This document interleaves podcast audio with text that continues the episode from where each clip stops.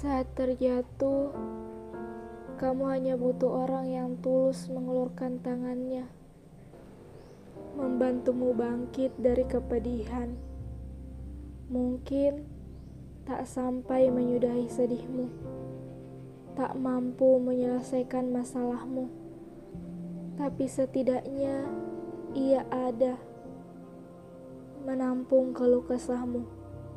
Kuharap aku bisa menjadi ia untukmu.